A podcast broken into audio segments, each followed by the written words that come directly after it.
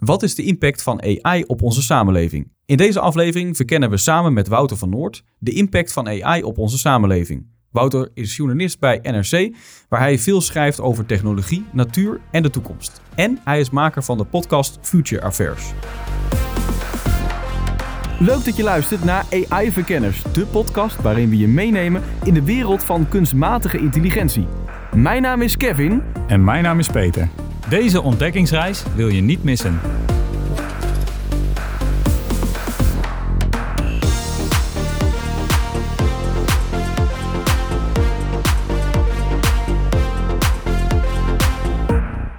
Peter, uh, voordat we Wouter gaan interviewen, wat gaat volgens jou de impact zijn van AI op onze samenleving? Die impact gaat, uh, gaat heel groot zijn. Uh, op diverse vlakken is het ehm, zo groots aanwezig al, terwijl het er nog maar net is, dat ik denk dat de samenleving daar ook heel veel mee te maken krijgt. Als we kijken naar bijvoorbeeld uh, waarheidsvinding, uh, als we kijken naar uh, um, de problematiek waarmee we worstelen momenteel, ik denk dat het zowel een oplossing als een bedreiging is. Ja.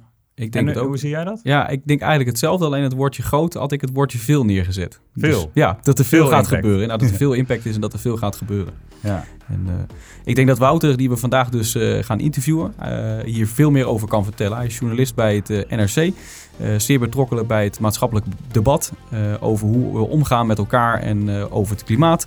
Um, ik ben er wel benieuwd naar zijn zienswijze op AI en wat de gevolgen daarvan zijn op onze samenleving. Wouter, fijn dat we, dat we bij je langs konden komen vandaag. En uh, we hebben heel veel vragen voor je. Welkom. Dankjewel. Dankjewel. Dankjewel.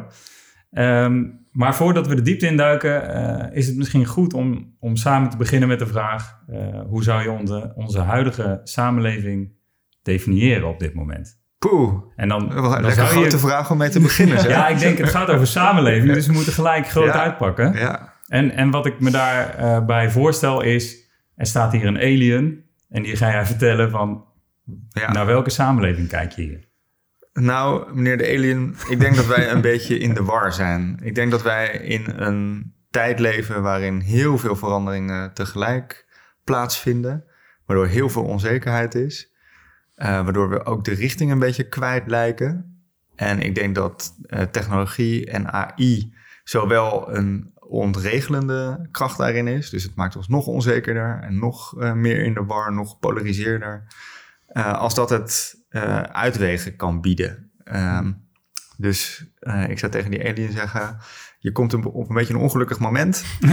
Misschien kun je beter over een jaartje of vijf of tien of zo nog eens terugkomen, want we zijn er nog niet helemaal uit. Nee. En als we dan doorvragen, hoe ziet het er dan over vijf of tien jaar uit? Dus wat ziet die alien dan? Nou, ik hoop dat we dan wat meer doorhebben uh, hoe we de transities gaan maken die nodig zijn. Zowel, zowel op duurzaamheidsgebied als in de omgang met technologie. Um, en dat het chaotische, wat denk ik veel mensen nu wel ervaren, dat dat uh, nodig was om ons een beetje wakker te schudden en een betere toekomst voor onszelf uit te stippelen. Maar die alien, die, die kijkt dus naar onze samenleving en uh, die kijkt naar jou als persoon. En die hoort jou zeggen, het is nogal chaotisch momenteel. um, wat, wat, zou het dan, uh, wat zouden de randvoorwaarden zijn volgens jou voor een minder chaotische samenleving? Waar ik denk dat heel veel misgaat nu, is dat een uh, gedeelde uh, werkelijkheid een beetje lijkt te versplinteren. Uh, flink aantal jaren terug wa waren er mediaonderzoekers die de term infocalyps noemden. Hm. Een soort moment in de tijd waarin niemand meer wist wat waar is. Ook door al het nepnieuws, alle door AI gegenereerde bewegende beelden, nepbeelden, nepinformatie. Zo'n overvloed aan bullshit, nepinformatie en gemanipuleerde informatie. Dat we gewoon boven niet meer van onder konden onderscheiden. Hm. En het voelt alsof we wel een beetje richting die infocalyps aan het bewegen zijn. En Mhm. ik denk dat dat uh, in COVID-tijd heel erg in een stroomversnelling is geraakt, omdat toen uh, vrijwel alle informatie via schermpjes binnenkwam. En dus uh, nou ja, alles werd gealgoritmiseerd en gemediatiseerd en, en, en gedigitaliseerd. En dat je nu ziet met de opkomst van generatieve AI, überhaupt uh, AI steeds meer ingebed in uh, onze uh, gespreksmiddelen. Dat nou ja, die gedeelde basis voor feiten dat er gewoon één werkelijkheid is waar we het met z'n allen over kunnen hebben, dat dat best wel aan het verschuiven is. Dus om, om daaruit te komen, moeten we daar toch weer wat overeenstemming over krijgen. En nu hebben we het nog een soort van in de hand. Want alle nepnieuws wat wordt gegenereerd, wordt in principe nog bedacht door een mens, zeg maar. Er wordt een prompt ingevuld en er komt wat uit. Maar wat als straks AI zelf, zelf bewustzijn, denk ik, krijgt? Ik denk dat dat nodig is dan. Uh, wat dan? Ja, nou, of niet. Misschien is het nogal veel enger als het, als het lijkt alsof iets bewustzijn heeft en het niet het heeft. En uh, er zijn natuurlijk al wel bots die uh, in het, maar precies in het wilde weg gewoon content maken en rondpompen, ongeacht of dat waar is of niet. Ja. Uh, en de eerste tekenen, denk ik, met uh, ChatGPT.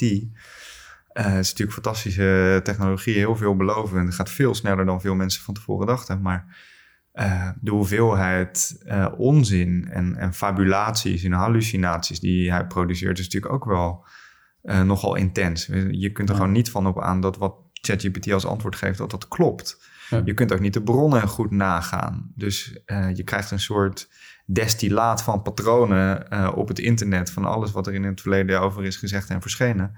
Maar of dat destillaat ook echt klopt, dat weet je niet. Dus het is best wel een reëel risico dat generatieve AI nog meer eh, die gedeelde werkelijkheid gaat aantasten.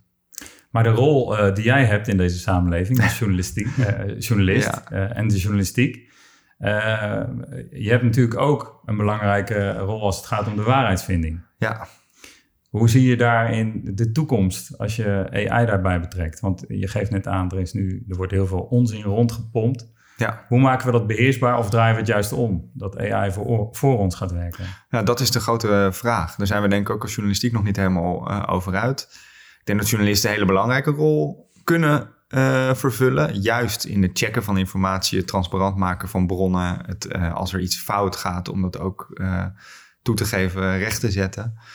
Ehm, je zag het denk ik in COVID-tijd ook wel dat mensen uh, er, was een hele grote beweging in de samenleving die zich afkeerde van massamedia en, en mainstream media, maar tegelijkertijd ook een hele grote groep die juist hun toevlucht zocht in professionele journalistiek. Omdat daar in ieder geval nog een feitencheck is. Dat je daar nog in ieder geval nou ja, uh, ook de, de makers ervan uh, ter verantwoording kon roepen. Dus ik ben best hoopvol over die rol van journalist. Alleen ik denk wel dat er nu dingen misgaan in die journalistiek. Wat betreft het nou ja, het echt tegenwicht bieden aan wat er al online overal te krijgen is. Uh, Daar moeten we wel meer werk van maken dan we nu doen. Wij, kijk, wij, wij kunnen inderdaad, uh, als we goed ons best doen, een gedeelde werkelijkheid creëren, denk ik, voor, voor mensen die mensen enigszins kunnen vertrouwen. Ja. Alleen je ziet dat heel veel mensen dat vertrouwen toch aan het verliezen zijn in ons. Dus ja, dat is, dat is onderdeel van die grote storm die gaande is nu, die, nou ja, dat gedeelde gesprek moeilijker maakt. Ja. We komen misschien straks op het punt dat ze straks meer vertrouwen hebben in AI-journalistiek dan menselijke journalistiek. Ja. Nou ja, dat is dus aan onze taak om te laten zien waar wij daarin verschillen. En dat wij uh, niet zomaar fabuleren en als we iets per ongeluk verkeerd opschrijven, dat we dat dan rechtzetten. En, uh, en tegelijkertijd uh, eh, AI gebruiken als een soort journalistieke assistent. Net zoals we nu al bij Google doen. Ja. Dat lijkt me heel goed. Een collega van mij die vergeleek het laatst wel met een hele eager jonge stagiair die zelfs een antwoord geeft als hij het eigenlijk niet weet. En dan maar gewoon iets bij elkaar verzint. Dus zo moet je denk ik ook AI behandelen. Ik denk dat dat niet alleen maar in de journalistiek zo is, maar als een hele eager, slimme, jonge stagiair, maar die ook net een beetje begint te babbelen uh, op het moment dat hij het niet weet. Hmm. Uh, en dat je dat wel heel goed moet controleren en uh, daar rekening mee moet houden.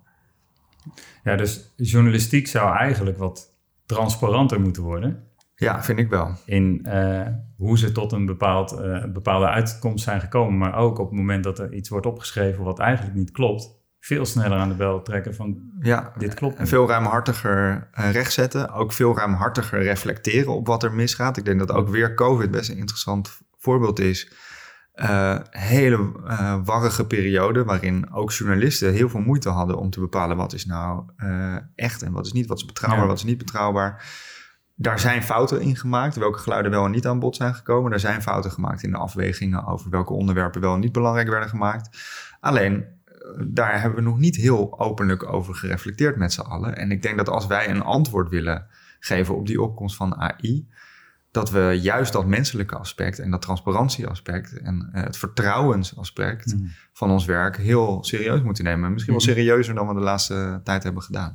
Ja. En AI gaat echt ons vak op zijn kop zetten. En het is aan ons om eh, nou ja, de mensen het vertrouwen weer te laten vinden in ons werk, zodat we nog iets van toegevoegde waarde hebben. Dus een van de gevaren voor de samenleving is waarheidsvinding. Ja. Eh, wat voor gevaren zie je nog meer voor, van AI voor de samenleving? Heb je even? Ja, noem ze maar op. Ja, het is, het is ook wel de vraag of je alleen maar in die gevaren moet blijven hangen. Er, er gaat natuurlijk heel veel discussie over nu, zeker als het gaat over die existentiële bedreigingen. Wat als eh, AI ineens een eh, eigen wil krijgt, of wat als eh, Mhm.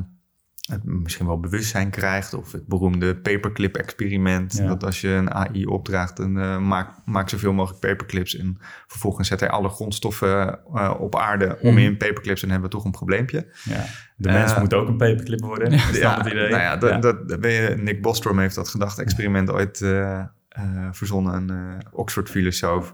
En dat wordt nog steeds behoorlijk serieus genomen. We hebben allemaal die open brief gezien van eh, de grote Mhm. AI-pioniers en van pas op en misschien moeten we een stopknop hebben we het ontwikkelen. ook al eerder over gehad, dat dat misschien niet commercieel insteek had. Maar Ja. Nou ja, dat, Dat blijft, kijk, da- dan is ook inderdaad de journa- journalist in mij die wakker wordt en die zegt... hey, als al deze mensen Mhm. die toch ook een duidelijk belang hebben bij die ontwikkeling van AI dit roepen. Nou, ik luister er wel serieus naar. Ik bedoel, het is ook wel zodanige waarschuwing. Zelfs al is het risico maar heel klein dat het uitkomt, denk ik wel dat je moet opletten dat het niet gaat gebeuren. Maar je moet ook een laagje dieper graven en kijken, hé, hey, wat zit hierachter? En misschien leidt die hele existentiële angstdiscussie, eh, die een beetje spookbeelden creëert van een, een AI-toekomst, wel heel erg af van de echte problemen van nu. En de echte problemen van nu lijken me ook AI-transparantie, eh, eigenaarschap van data, welke grote bedrijven zitten erin, hoe is die machtsvraag eh, verdeeld, hoe reguleren we dat? Ja. En door te roepen, oh, we gaan er allemaal aan door AI, kan je ook afleiden van die wat saaiere, concretere vragen over AI, die misschien nu veel meer in beleid zouden moeten worden besproken dan eh, we gaan er allemaal aan. Ja, maar uiteindelijk is de uitkomst van een AI wordt wel gestuurd door de mens. In ieder geval tot nu toe, kunnen we denk ik wel stellen.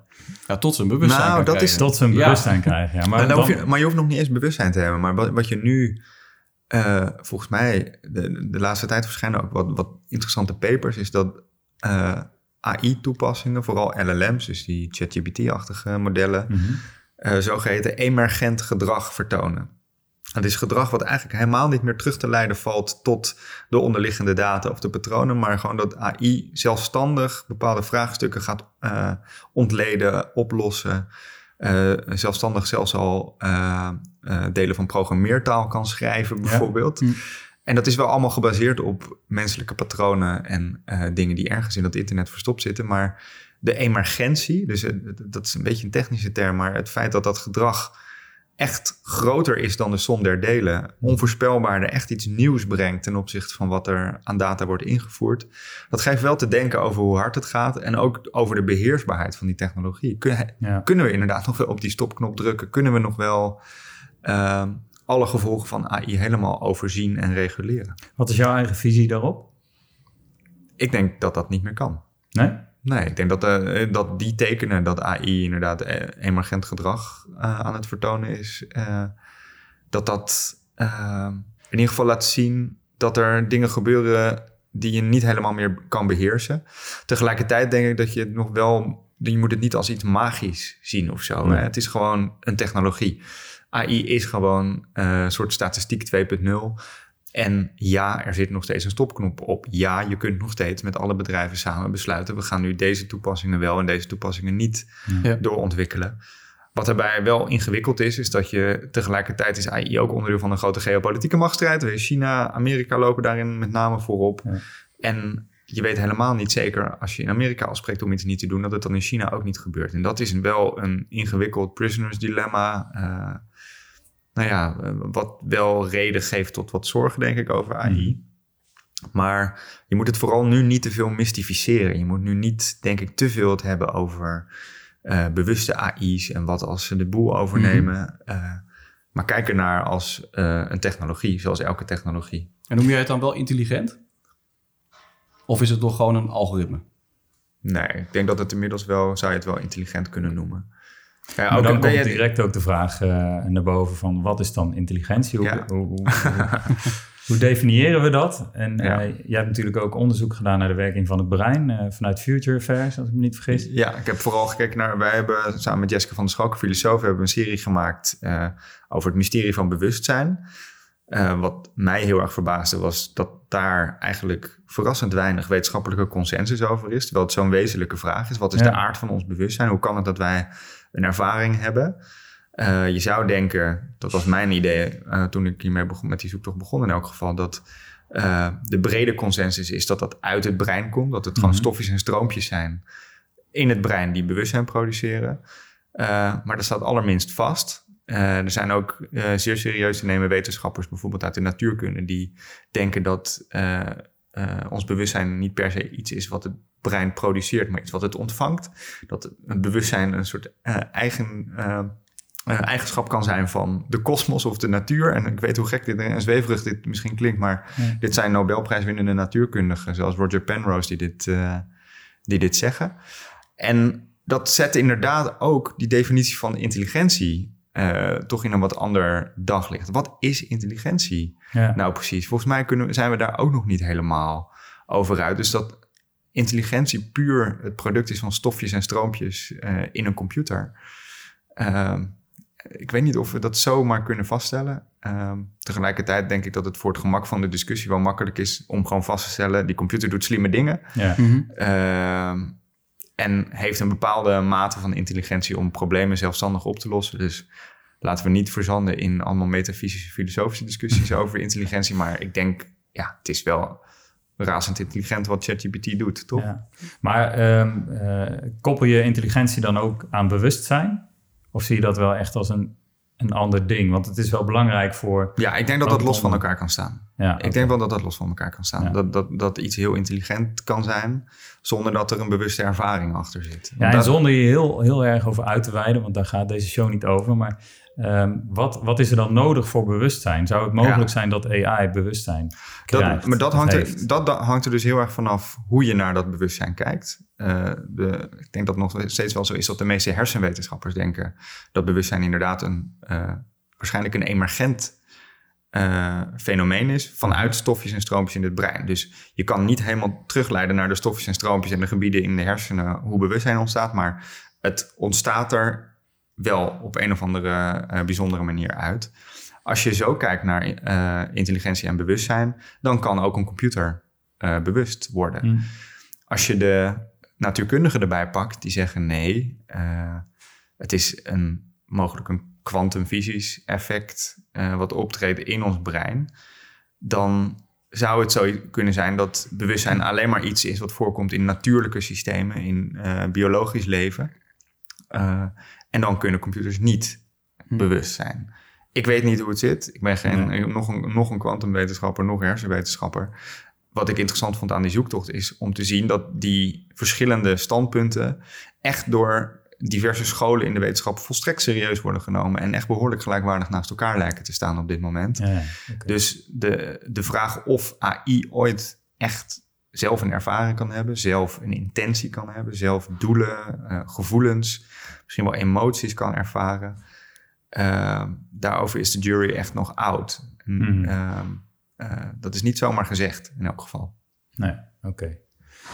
Hey, en ehm, toen ChatGPT eh, echt eh, voor de hele wereld beschikbaar kwam, waren er best wel wat dingen aan de hand. Namelijk dat er geconstateerd werd dat er een filter over ChatGPT lag. Dus dat, dat je bepaalde dingen niet terugkreeg, omdat er politieke redenen achter zaten, bijvoorbeeld. Ja.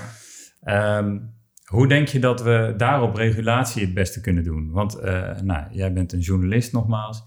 Ehm, het is heel belangrijk voor de waarheidvinding dat iedereen weet wat dat filter dan is, Ja. denk ik.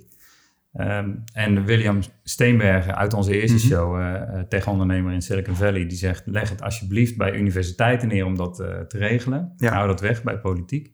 Hoe kijk jij daar tegenaan? Het is een super moeilijk onderwerp. Want eh, ik weet ook dat ik in de eh, begindagen van ChatGPT op een gegeven moment. eh, toen was er een relletje over dat als je aan ChatGPT vroeg om een gedicht te schrijven dat de loftrompet stak over Joe Biden. Dan kreeg je een of ander heel lyrisch gedicht over Joe Biden. Mhm. Maar als je hetzelfde vroeg over eh, Donald Trump, zei hij eh, dat hij geen gedichten schreef over eh, controversiële politieke Ja. figuren.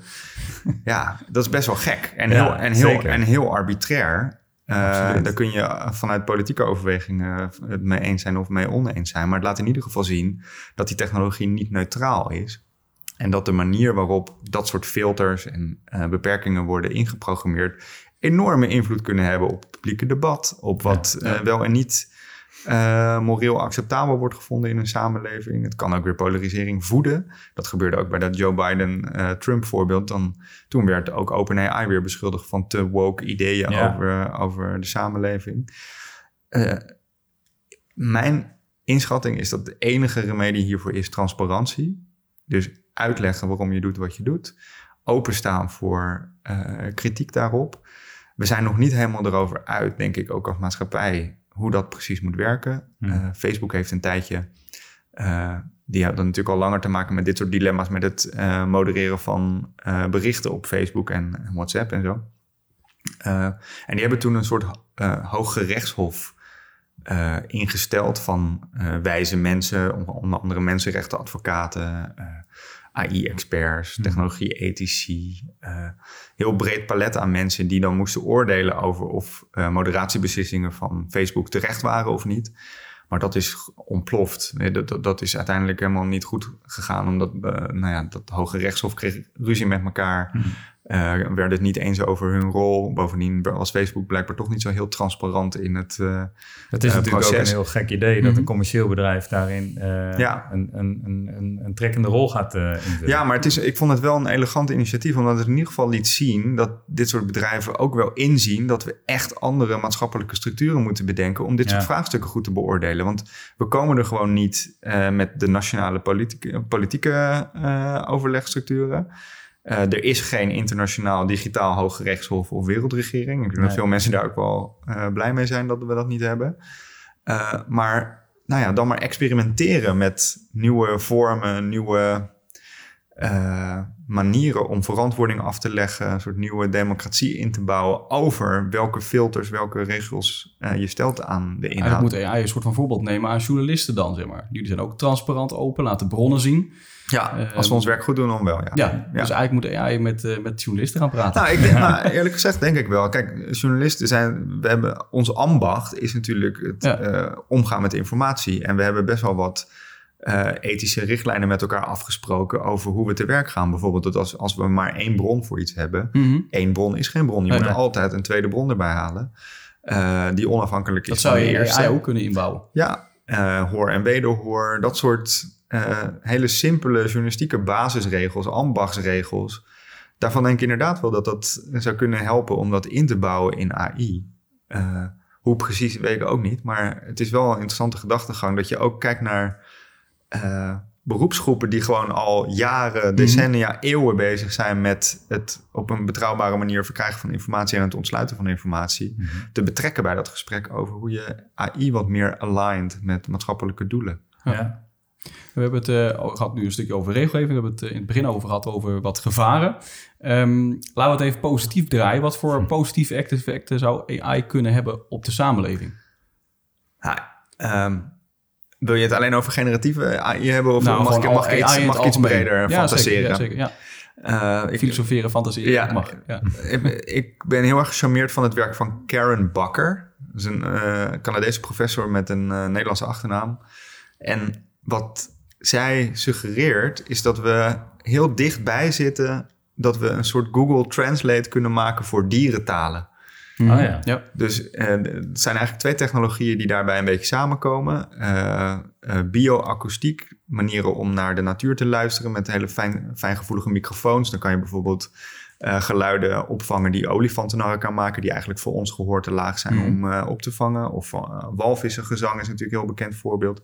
En AI zou gebruikt kunnen worden om in die natuurgeluiden patronen te ontdekken, waardoor je bijna een soort van woordenboek kunt maken van van dierentalen. En bedoel, dat is gewoon, vind ik al een vet idee. Ja, Een- leuk- leuke manier om meer in contact te komen met, met die natuurlijke wereld.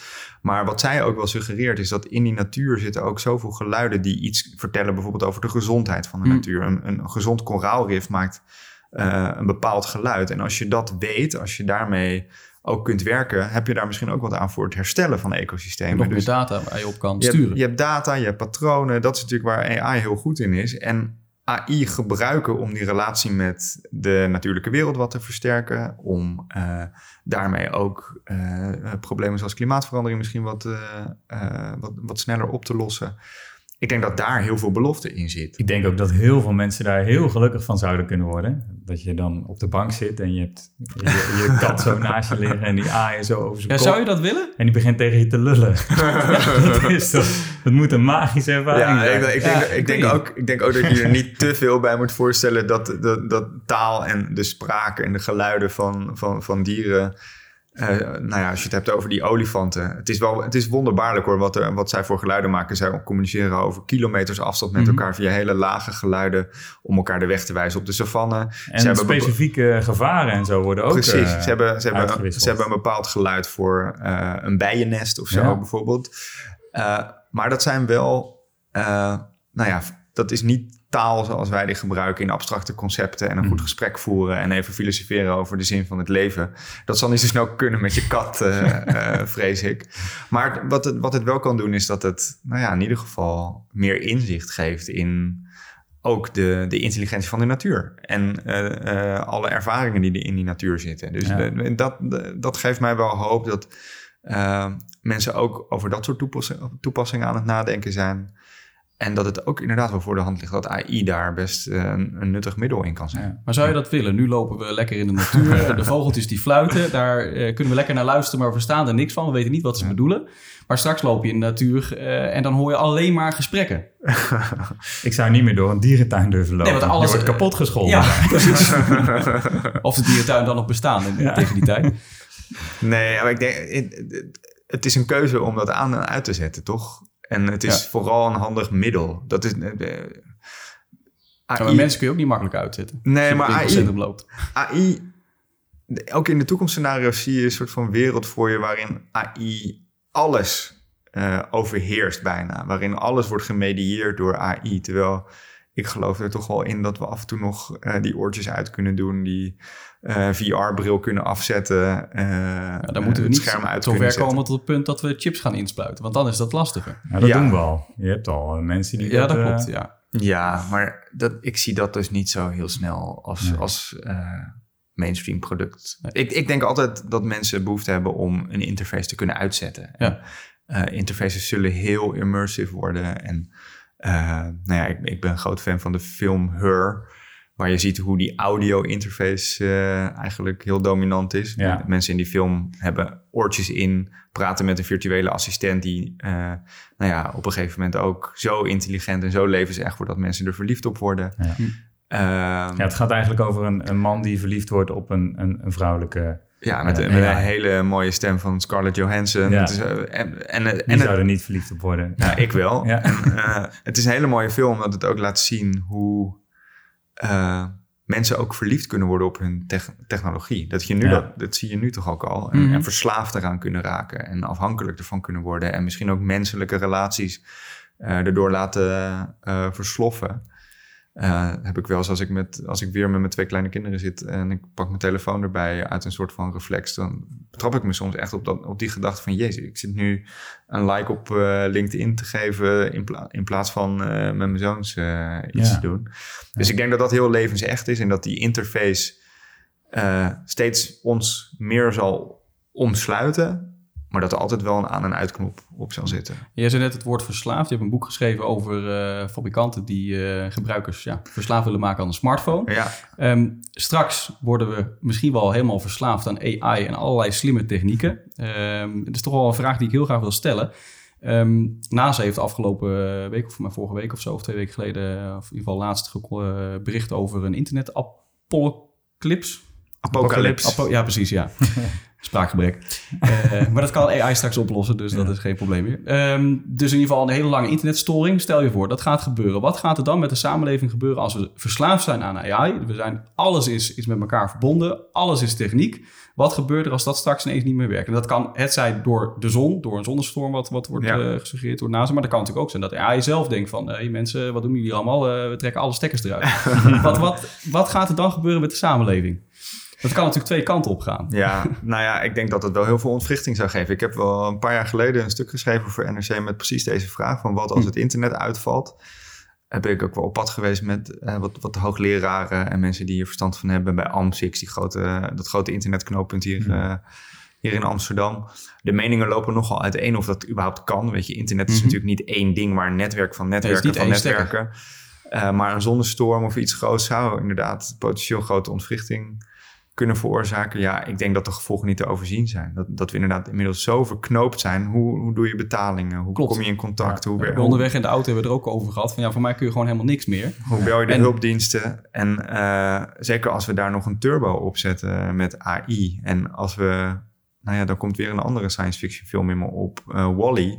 Ja. Zo'n tekenfilm eh, waarin mensen helemaal afhankelijk zijn geworden van robots. En zich ook laten rond Ja, die, eh, en alleen nog maar via een soort van eh, smoothies hun eten binnenkrijgen. Dus Mensen leven in een ruimteschip, Mhm. zijn allemaal veel te veel kilo's te zwaar, Ja. zitten in een luie stoel en worden verzorgd door. ja, het is, een soort, het is een soort utopie, maar ook een dystopie tegelijk. Ik zou er niet in willen leven.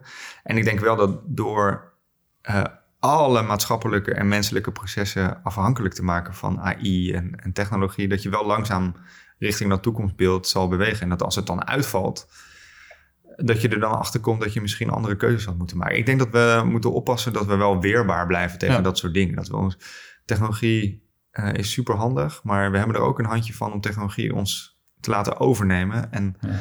eh, ik denk dat de hele discussie rondom AI nu ook wel laat zien dat wij de baas moeten blijven. En dat dat ook een expliciet doel moet zijn. Ja. Ik betrap mezelf er steeds meer op dat ik het juist utopisch uitleg als eh, alle technologie zou wegvallen. Dat ik denk, Eindelijk oh ja, gaan we weer vuur maken met stenen en zo. Ja, dat is een beetje overdreven, weet maar niet, dat je weer in contact komt met elkaar. Ja, maar En, dat vraag ik me af. Samenleving stel, het zou gezien. gebeuren. Ja. Ik, ik denk dat, dat binnen een week gewoon de hele pleuris Ja, uitbreekt. op de korte termijn is het eh, rampzalig. Maar ik, ik- soms denk ik ook, we, we raken zo ver weg van onszelf en van eh, het contact dat je hebt met anderen Ja. door technologie. Nou, alleen dat feit dat in corona waren de supermarkten zouden gaan, eerder gaan sluiten. Iedereen Ja. ging hamsteren. Alleen dat effect al. En toen was nog niet eens bekend dat alles uit zou vallen. Wat gebeurt er als, als straks bekend is, er gaat niks meer werken. Ja. Ja. Maar het, het, het, ik hink heel erg op twee gedachten. Ik, Mhm. ik zie eigenlijk wel wat in eh, jullie allebei zeggen. Ook vanwege COVID. Want je zag precies die twee dingen gebeuren. Je zag Ja. en de maatschappelijke paniek en de infocalyps. En iedereen die tegen elkaar ging gillen dat, het allemaal, dat we allemaal naar de kloten gingen. Eh, maatschappelijke systemen die eh, wankelden, instortten, aanvoerlijnen die niet meer functioneerden. Ik denk dat je best wel zag wat er gebeurt als er zo'n shock effect is. Maar mensen gingen ook met hun pannetje soep brengen bij de buurvrouw. Precies, En, ja. eh, Ja. eh, eh, ik weet, Je mocht dan niet knuffelen, maar je ging dat pannetje wel brengen, ja. het was ook een tijd waarin Ja. mensen weer inderdaad wat meer uh, oog leken te hebben voor elkaar. En uh, zo'n shock kan natuurlijk ook het beste naar boven halen in mensen. Dat heeft, Rut, Ja. heeft Rutger Bregman ook wel mooi over geschreven. Mhm. Ehm, Maar de versnelling eh, door de komst van AI en weet ik veel wat voor technologie daaraan verbonden wordt, ehm, kan juist ook weer het, het negatieve effect versterken van Dat wat denk we ik nu, ook. nu voelen. Ik Eh, denk dat we, dat we vooral moeten nadenken hoe blijven we weerbaar en flexibel. En als we al onze ballen op één technologie gooien, als we helemaal afhankelijk worden in maatschappelijke systemen, Mhm. onze manier van leven, manier van werken voor je eigen levensgeluk van AI, dan ben je gewoon verkeerd bezig. Want dan ben je heel weinig flexibel op het moment dat het uitvalt. Ja, Dus- we hebben een redelijk smart home. Ik zou straks niet meer met het pannetje naar de buurvrouw toe kunnen, want onze kookplaat heeft wifi. Dus als die straks niet meer werkt, ja, dan moet de buurvrouw naar ons toe komen. Ja, ja, we hebben gewoon een, wij hebben nog veilige kookplaats zonder wifi, dus jij mag hier dan een pannetje, Oké. pannetje komen maken. wel op elektriciteit. eh, Ja. ja. ja. Maar de, de, de Europese Commissie is nu bezig met de digitale euro. Nou, dat in combinatie met eh, AI eh, kan ik me voorstellen dat er, en die geluiden gaan ook wel op, dat er mensen zijn die denken, ehm, de, de overheid Ja. eh, gaat controlerend te werk en eh, we verliezen controle over onze vrijheden. Ja. Nou, ik voel wel wat voor die kritiek, eerlijk gezegd. Ik voel wel mee voor de mensen die zich grote zorgen maken over de mogelijkheden die overheden krijgen om mensen digitaal te sturen. Uh, privacy. Inderdaad, met digitaal geld heb je een sterker controlemiddel in handen dan met uh, contant geld. Uh, in die voorstellen van de Europese Commissie staat wel dat ze bijvoorbeeld het geld neutraal willen houden. Dus dat, dat je dat digitale geld, zoals de tegenstanders heel erg vreesden, dat dat uh, niet geprogrammeerd kan worden om hmm. bepaalde dingen wel en niet te kunnen doen. Dus de angst was heel erg, ja, dan kan je straks uh, kan je geen hamburgers meer kopen, maar alleen maar vegaburgers. Of uh, als jij een keertje bent gaan vliegen, dan moet je de volgende keer daarvoor compenseren in een ander goed CO2-gedrag. Ja een beetje op het model van de banken ook al aan het doen zijn om CO2 te registreren bij nou ja, wat je, je ziet, en doet. Ik, je moet altijd heel erg waken voor te snelle verbanden trekken, want je ziet vergelijkbare ontwikkelingen in China gebeuren met het sociale kredietsysteem. Je ziet inderdaad dat banken en overheden uh, beheersingsmechanismes digitaal proberen in te voeren. Wat, waar het volgens mij misgaat, is dat sommige mensen dat allemaal samengooien in een grote soeppan en er een van de rare complottheorie van brouwen. Ehm, en dat leidt juist af van de echte discussie die gevoerd moet worden hierover. Namelijk dat de fundamentele vraag: willen we dat technologie inderdaad zo controlerend kan zijn in ons leven? Hmm. Willen we zoveel uh, controlemacht uit handen geven aan overheden, centrale banken, om ons gedrag te sturen, te monitoren, uh, te manipuleren misschien? En uh, waar ik me een beetje zorgen over maak, is dat dit, wat ik nu vertel, bijna als een soort uh, ik vind het een verschrikkelijk woord, maar een, beetje een wappiegeluid klinkt. Mhm. Terwijl het vijf jaar geleden eigenlijk de standaardhouding was van heel veel journalisten, heel veel privacyadvocaten, heel veel mensen die kritisch keken naar de opkomst van technologie. En dat juist omdat dit argument zo gekaapt is door mensen die het vermengen met allerlei wilde theorieën over eh, reptielen die aan de touwtjes trekken achter de schermen, uh, denk ik dat we deze discussie heel goed moeten voeren. Heel precies, waar worden die uh, digitale technologische middelen nu voor ingezet? Uh, waarvoor niet. In dat voorstel van de Europese Commissie staat heel duidelijk dat het uh, een neutrale munt moet blijven wat betreft programmeerbaarheid. Dus je kunt die munt, uh, die digitale currency, waarschijnlijk ook in de toekomst niet programmeren met een bepaald politiek doel. Maar laten we het alsjeblieft wel goed in de gaten houden. En laten we wel de fundamentele discussie voeren. Willen we dit soort digitalisering? Willen we zoveel controle uit handen geven aan overheden, grote bedrijven over hoe wij ons leven inrichten? Ik denk dat het wel een heel terechte vraag is. Ik denk dus dat we daarin niet zo heel veel te willen hebben, eerlijk gezegd. Dat klinkt misschien wat somber, maar als je ziet naar de, uh, als je terugkijkt naar alle technologie die is gekomen de afgelopen 50 jaar en hoe makkelijk dat geïntroduceerd is, terwijl er ook heel veel weerstand was aan het begin. Um, maar nou, ik, denk, ik denk daar toch wel anders over. Ik, ik signaleer hetzelfde als jij, namelijk hmm. dat het uh, vrij klakkeloos allemaal is ingevoerd. En hoe meer digitalisering, hoe beter. Maar je merkt wel een kentering in die discussie. Je ziet het in uh, de discussies over bevooroordeelde algoritmes. De, de uh, kinderopvangtoeslag, mm -hmm. de toeslagenaffaire. Waarbij bevooroordeelde algoritmes er ook voor zorgden dat bepaalde mensen uit sommige bevolkingsgroepen meer problemen hadden dan anderen. Daar wordt nu veel beter naar gekeken. Je ziet het ook in de discussie over opkomst van AI. Mhm. Eh, de Europese Commissie en ook de Nederlandse overheid is daar veel sneller een fundamentele discussie gestart over wat willen we hier eigenlijk mee, hoe moeten we dat reguleren. Uh, terwijl als je een generatie eerder kijkt in digitale technologie, zoals die smartphone en uh, sociale media, dat duurde vijf, zes, zeven jaar voordat die discussie er kwam. Dus er is wel degelijk een, uh, grotere wakkerheid, denk ik, bij overheden. Ze hebben gesteld dat ze nu eind van het jaar regulering of begin volgend jaar. Ja, volgens mij komt zelfs in eh, september of oktober al de AI Act. En dat, is, ja. dat zou echt wel uh, revolutionair zijn. Los van of je vindt dat dat goed is. maar in ieder geval wordt er heel anders gekeken naar die technologie en wordt er een fundamentele waardendiscussie gevoerd. In plaats van dat je het gewoon maar invoert en na vijf, zes jaar eens kijkt of je eigenlijk wel tevreden bent met de eindresultaten. Mhm. Ik denk dat dat een gunstige ontwikkeling is. En dat dus dat in ieder geval laat zien dat er een groter bewustzijn is over hey, technologie gaat heel veel overnemen. Een deel daarvan is een soort, lijkt bijna soms een natuurkracht die ons overkomt. Maar ik zou me daar zelf heel sterk tegen verzetten om er zo naar te kijken. Want hmm. eh, we hebben altijd een keuze hoe we technologie gebruiken. Technologie is niet neutraal. Het hangt er maar net vanaf hoe je die gebruikt, welke waarden je erin programmeert. En daar hebben mensen uiteindelijk zeggenschap over. Dat is niet alleen maar Silicon Valley. Dat is niet alleen maar de robots en het emergente gedrag van een AI dat dat bepaalt. Maar dat zijn we uiteindelijk toch echt wel zelf. Ja.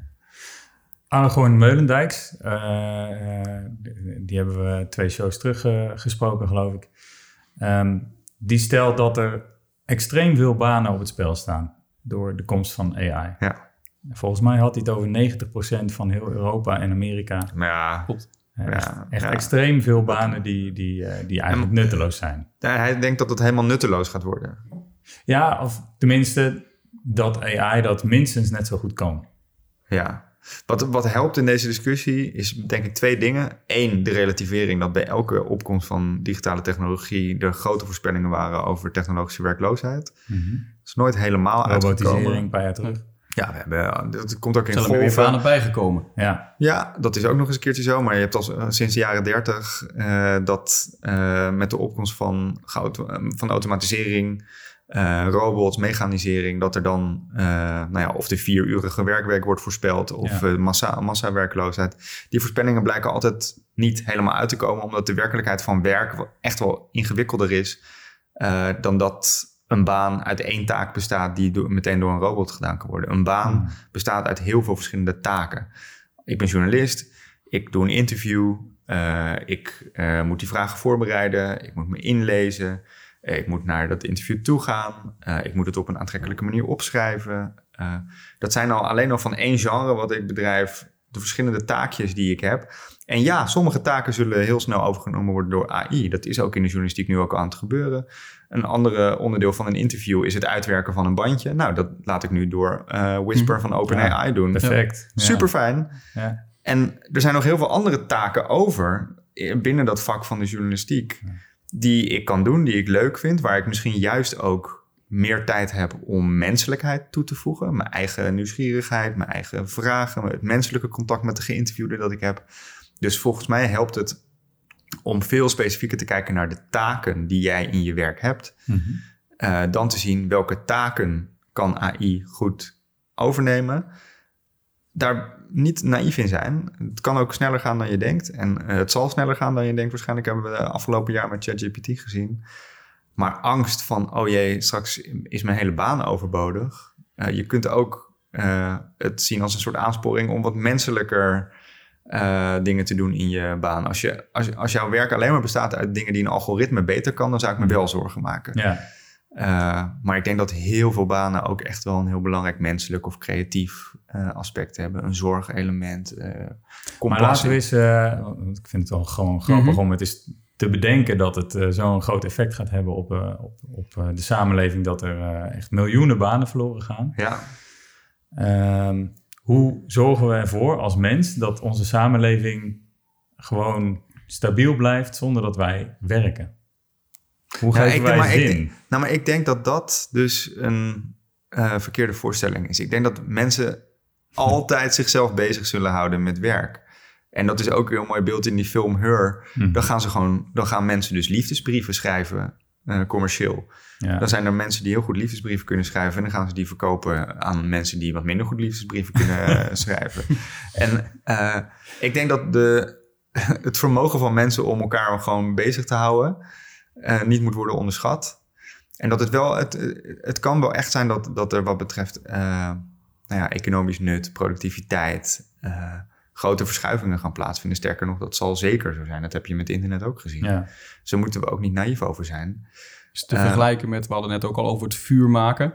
Uh, vroeger moest je, voordat je ging eten, moest je met stenen moest je vuur maken, zeg maar. Ja. En nu heb je kookplaat, druk op een knopje. Of ik kan zelfs met de telefoon uh, Ja. het vuur aanzetten. Of er is geen vuur meer. Maar kan ik het daarmee vergelijken? En alsnog zijn we niet werkeloos geworden. Want koken moet je alsnog doen. Ja, en er komen wel weer nieuwe taken Precies, bij. ja. En eh, dan is er iemand inderdaad die eh, eh, de, de kookplaat moet installeren en dan moet verkopen. En Ja. Ik denk dat ik ben daar eigenlijk. We zijn goed in eh bezigheidstherapie. We redden ons wel. Hoe, hoeveel, hoeveel banen zijn nou echt 100% nuttig op dit moment? Ja, daar hebben we het al maar. Nou ja, precies. hadden ging het over onze eigen bedrijven. En toen dachten we, ja, we zouden natuurlijk kunnen opdoeken op een gegeven moment. we hadden het inderdaad op de heenweg hier uh, naartoe. Uh, dat we zeiden van, ja, wat, hoe nuttig... Ik heb dan een videoproductiebedrijf. Ja, hoe nuttig is het eigenlijk dat we video... En jij maakt onder andere websites. Hoe nuttig is dat eigenlijk? Eigenlijk heb je helemaal geen website nodig. Nee. Eigenlijk heb je helemaal geen video nodig. Nee, je hebt ook geen podcast. Ja, maar podcast heb je ook niet nodig. Nee. is geen... Uh, nee. nou, nee, maar dat ben ik dus helemaal niet met je eens. Ik denk okay. dat, dat, dat ja, nee, juist het menselijke aan het werk wat jullie hebben. En uh, de podcast is waarschijnlijk maar een deel van mm-hmm. wat jullie doen. Maar er ontstaat straks een wereld waarin jij misschien wel uh, een deel van uh, je werk nu kan laten doen door een AI. Er nog steeds geld mee kan verdienen. En meer tijd voor, voor dit soort gesprekken. En dit is vind ik veel wezenlijker dan uh, uh, nou ja, een Excel-sheetje ja, ja, absoluut. inrichten. Dus. Ja. dus als we het eens naar het positieve trekken. We kijken naar de toekomst, naar de positieve toekomst in combinatie met AI. En dan het effect op onze samenleving. Ja. Ik kan me bijvoorbeeld voorstellen dat uh, hoe wij nu de politiek hebben ingericht, dat AI daar best wel een waardevolle toevoeging aan kan zijn. Als je een soort orakel dat de antwoorden... Directe fact-checking alleen al, weet je wel? Zet het in de kamer, want er wordt iets gezegd, fact-checking wordt direct gedaan. Dat is een soort van Google Assistant daar midden in de kamer ja, staat. Zou, van, ik zou dat zelf wel prettig vinden. Ja. Maar, ja, ja, maar daar, ja, ik zou het toch echt niet gebruiken als een soort orakel. Omdat je daarmee dus ook een soort boven mensen plaatst. En er dan een hmm. soort vertrouwen instelt, wat denk ik onterecht is. Uh, ik denk dat het, dat het die assistent moet blijven. Dat, dat... En als jij nou als journalist de journalisten van Nederland die draaien aan de knopjes voor die AI. Ja, dan vind ik het een heel goed idee natuurlijk. Ja. nee, maar uh, nou, William die had het dus inderdaad uh, uit de eerste aflevering over van... nou, ligt die verantwoordelijkheid bij uh, de universiteiten? En volgens mij zei hij zelfs ook bij de commerciële bedrijven. Want, ja, bij de experts. Ja, bij de experts. Um, ik vind jouw suggestie van de journalistiek zou daarin een rol kunnen ja, als spelen. Een, als, als, als een van de beroepsgroepen, denk ik, die ervaring heeft met, met feiten checken en dat soort dingen. Ja. Um, maar geen orakel ervan maken. Nou, maar, misschien is het fundamentele punt wel... AI is een model van de realiteit, van, van kennis, van gedrag. En uh, er is een hele mooie gevleugelde uitspraak over modellen. All models are wrong, some are useful. Je, we, moet, we moeten altijd onthouden dat AI maar een soort dashboard is van uh, de echte realiteit. En het altijd zal behandelen. Met veel sceptisch, met veel voorzichtigheid over of het niet te veel aan het overnemen is. Met heel veel voorzichtigheid over wie er aan de knoppen draaien van die AI. Het is maar een model. Het is maar een technologie. En we hebben zelf de mogelijkheid om, de, om, die, uh, om te bepalen hoe we die gebruiken. Hm. En ik zou het nogal een schrikbeeld vinden als we AI als een soort algemeen orakel gaan gebruiken over hoe we moeten leven, hoe we onze politiek moeten inrichten. En ja, voor feitelijke vragen, daarvoor kunnen we uh, algoritmes. Als, als je iets moet berekenen, dan kun je het maar beter aan de computer vragen, zou ik zeggen. Uh, maar als het gaat over de wezenlijke menselijke vragen van hoe willen we samenleven, hoe willen we onze toekomst vormgeven, wat is een rechtvaardige energietransitie, ja, sorry hoor, daar kan AI uh, een soort eerste aanzet voor een idee voor geven, maar dat moeten we echt zo met elkaar uitmaken. Dat hmm. kan een computer echt nooit doen, denk ik. Nee, oké. Wat ik me trouwens nog afvroeg, een vraag uit hele andere, van hele andere orde. Um, uh, als ik jou volg online, dan, dan zie ik dat je overal wel goed over nadenkt. Ik denk dat ik dat, ik denk dat, ik dat wel kan stellen, toch? Er zijn weinig uitspattingen. Eh. oh, maar ik denk ook wel slecht over dingen na, hoor. Denk ja? maar zijn, wat, wat zijn de momenten waarbij jij je hoofd even stil kan, uh, kan zetten? Nou, dat is best wel een uitdaging, eerlijk gezegd. De, ik heb werk wat best wel de hele tijd door kan gaan. En zeker met de opkomst van sociale media... Uh, merk ik dat dat wel een uitdaging is. Dat, dat, dat daar... Uh, die plakkerigheid van die interface, de, de alomtegenwoordigheid van computers en uh, digitale omgeving, dat ik daar al best wel middenin zit.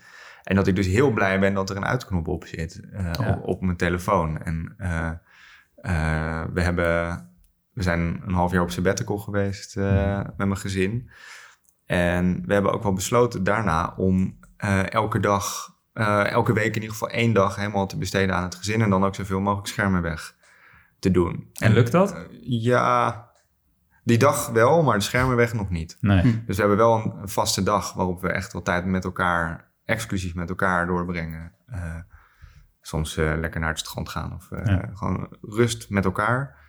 Eh, en dat scherm dat kruipt er af en toe nog wel eens in. Maar op gezette tijden dat ding wegleggen. Eh, onze slaapkamer is helemaal smartphone-loos bijvoorbeeld. We, we hebben wel duidelijke afspraken om daar grenzen aan te stellen. Maar ik heb, het is wel moeilijk. Hm. Dus eh, ja, het hoofd stilzetten, dat lukt mij. Ik, eh, een hobby van mij is schelpen zoeken op het strand. Dat is een moment waarop ik echt even helemaal een soort van... Bijna, bijna meditatief jezelf, eh, eh, ja. lekker schelpjes zitten zoeken met dat het een hele van collectie liggen van groot naar klein. eh, Ja, ja, ik- hier, ik heb overal, mijn vriendin eh, gaat daar vast een keertje over protesteren. Maar ik heb allemaal van die collecties met eh, schelpen overal liggen. Dus, Ja. eh, liggen hier door het hele huis heen voor de luisteraar. Dat is wel leuk om te vertellen. Ja. We zijn eh, aan het einde gekomen van de, van de podcast. Eh, als we het een beetje moeten samenvatten, eh, vind jij het in ieder geval belangrijk dat er nog altijd een uitknop moet zijn. Dat je in ieder geval uit het AI kan stappen, uit de technologie. Dat je in ieder geval nog eventjes echt mens kan zijn, zeg maar. ja. Eh, het gaat grote impact hebben. eh, en we moeten AI nog steeds eh, zien. En dat moeten we blijven zien als een assistent. Als een assistent, als een tool, als een model, niet als de werkelijkheid. Maar tegelijkertijd zeg je ook, de invloed van AI op onze samenleving gaat immens zijn. Ja, ik denk dat je dat wel ziet. Dat Ja. Ook als je gewoon de gebruiksaantallen ziet van ChatGPT... is gewoon het snelste product ooit dat naar de 100 miljoen gebruikers is Ja. gegaan. En eh, de capaciteit van eh, dat soort generatieve AI en LLM's... Ja, het gaat zo snel. Dat verbaast iedereen die zich ermee bezighoudt. Het gaat veel sneller dan eh, mensen voorheen aannamen. En vooral dus ook omdat het emergent gedrag kan vertonen, onvoorspelbaar gedrag. Denk ik dat het echt een technologie is om heel erg in de gaten te houden. Ook voor je eigen werk en leven. En er veel over te hebben met elkaar, denk ik. precies, om tot juist. een positieve uitkomst te komen. En juist die menselijke gesprekken, inderdaad. En Ja. dat mag soms ook een beetje stoner talk zijn over what if en eh, wat Ja. kan het bewustzijn hebben, hoe wil ik eigenlijk leven met AI. Maar voer die gesprekken, want het zijn hele wezenlijke vragen die sneller dan je denkt zullen voorliggen, denk ik. Ja, En laten we hopen dat als die alien over tien jaar diezelfde vraag waar we begonnen terugkomt, dat hij dan geen chaos meer ziet en dat hij gewoon rust ziet. Eh, en een mooie, ja, rustige samenleving, denk ik. eh. Over stoner talk gesproken. ja, precies. Ja, precies. Ehm, in de volgende aflevering gaan we het hebben over AI op de werkvloer met Babé uh, Rezik. Mhm. Ehm, wat zou jij hem willen vragen op het gebied van AI op de werkvloer? Waar ik heel benieuwd naar ben, en misschien heeft hij daar wel ideeën over, is hoe praat je nou slim met AI op de werkvloer? Hoe, hoe geef je goede prompts? En verschilt dat per vakgebied? Is er een soort van algemene eh, manier om goed te leren praten met AI's, zodat je je werk versterkt? Goeie vraag. Ja, Gaan we die aan gaan we, stellen? gaan we stellen. In de vorige aflevering hadden we Ruben Dieleman te gast van die Existential Risk Observatory. En hij had de volgende vraag voor jou. Ja, de vraag die ik zou willen stellen aan, aan Wouter van Noord is ehm, of hij denkt in hoeverre er eh, existentieel gevaar uitgaat van ehm, geavanceerde kunstmatige intelligentie. Ik weet het niet. Eh, en het is logisch dat eh, Ruben dat vraagt Ja. vanuit zijn eh, positie. Ik heb ook wel veel contact met Otto Barten, zijn, Ja. zijn directeur. Ehm, ik volg die discussie met veel interesse. Ik, ik hou van science fiction en van dat soort scenario's. Ik denk dat het, aangezien vooral die open brief van AI-prominenten en mensen die echt midden in die ontwikkeling staan, die zeggen: pas nou op, er zit een existentieel risico aan, dat we daar echt wel naar moeten luisteren. Hmm. Dat dat in ieder geval reden is om goed op te letten. En tegelijkertijd heb ik dezelfde sceptisch die ik eerder zei van eh, het kan ook afleiden van de meer dringende vraagstukken rondom AI. Maar je moet het meenemen in de dialoog die je met elkaar erover hebt. Dat lijkt me, dat, dat moet wel. Als zoveel prominente mensen zich daar zo zorgen over maken, dan moet je het er wel over hebben. Want zelfs een kleine kans dat het gebeurt, lijkt me de moeite waard om het even.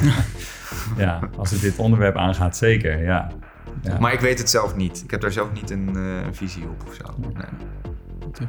Dankjewel uh, dat, je, dat we langs mochten komen. ja, ontzettend bedankt. Dat je gast Ja. wilde zijn in onze podcast. Het was een leuk gesprek. Zeker, vond ik ook. Dankjewel. Hopelijk eh, vond jij dat ook, luisteraar. Dank voor het luisteren naar de podcast AI Verkenners.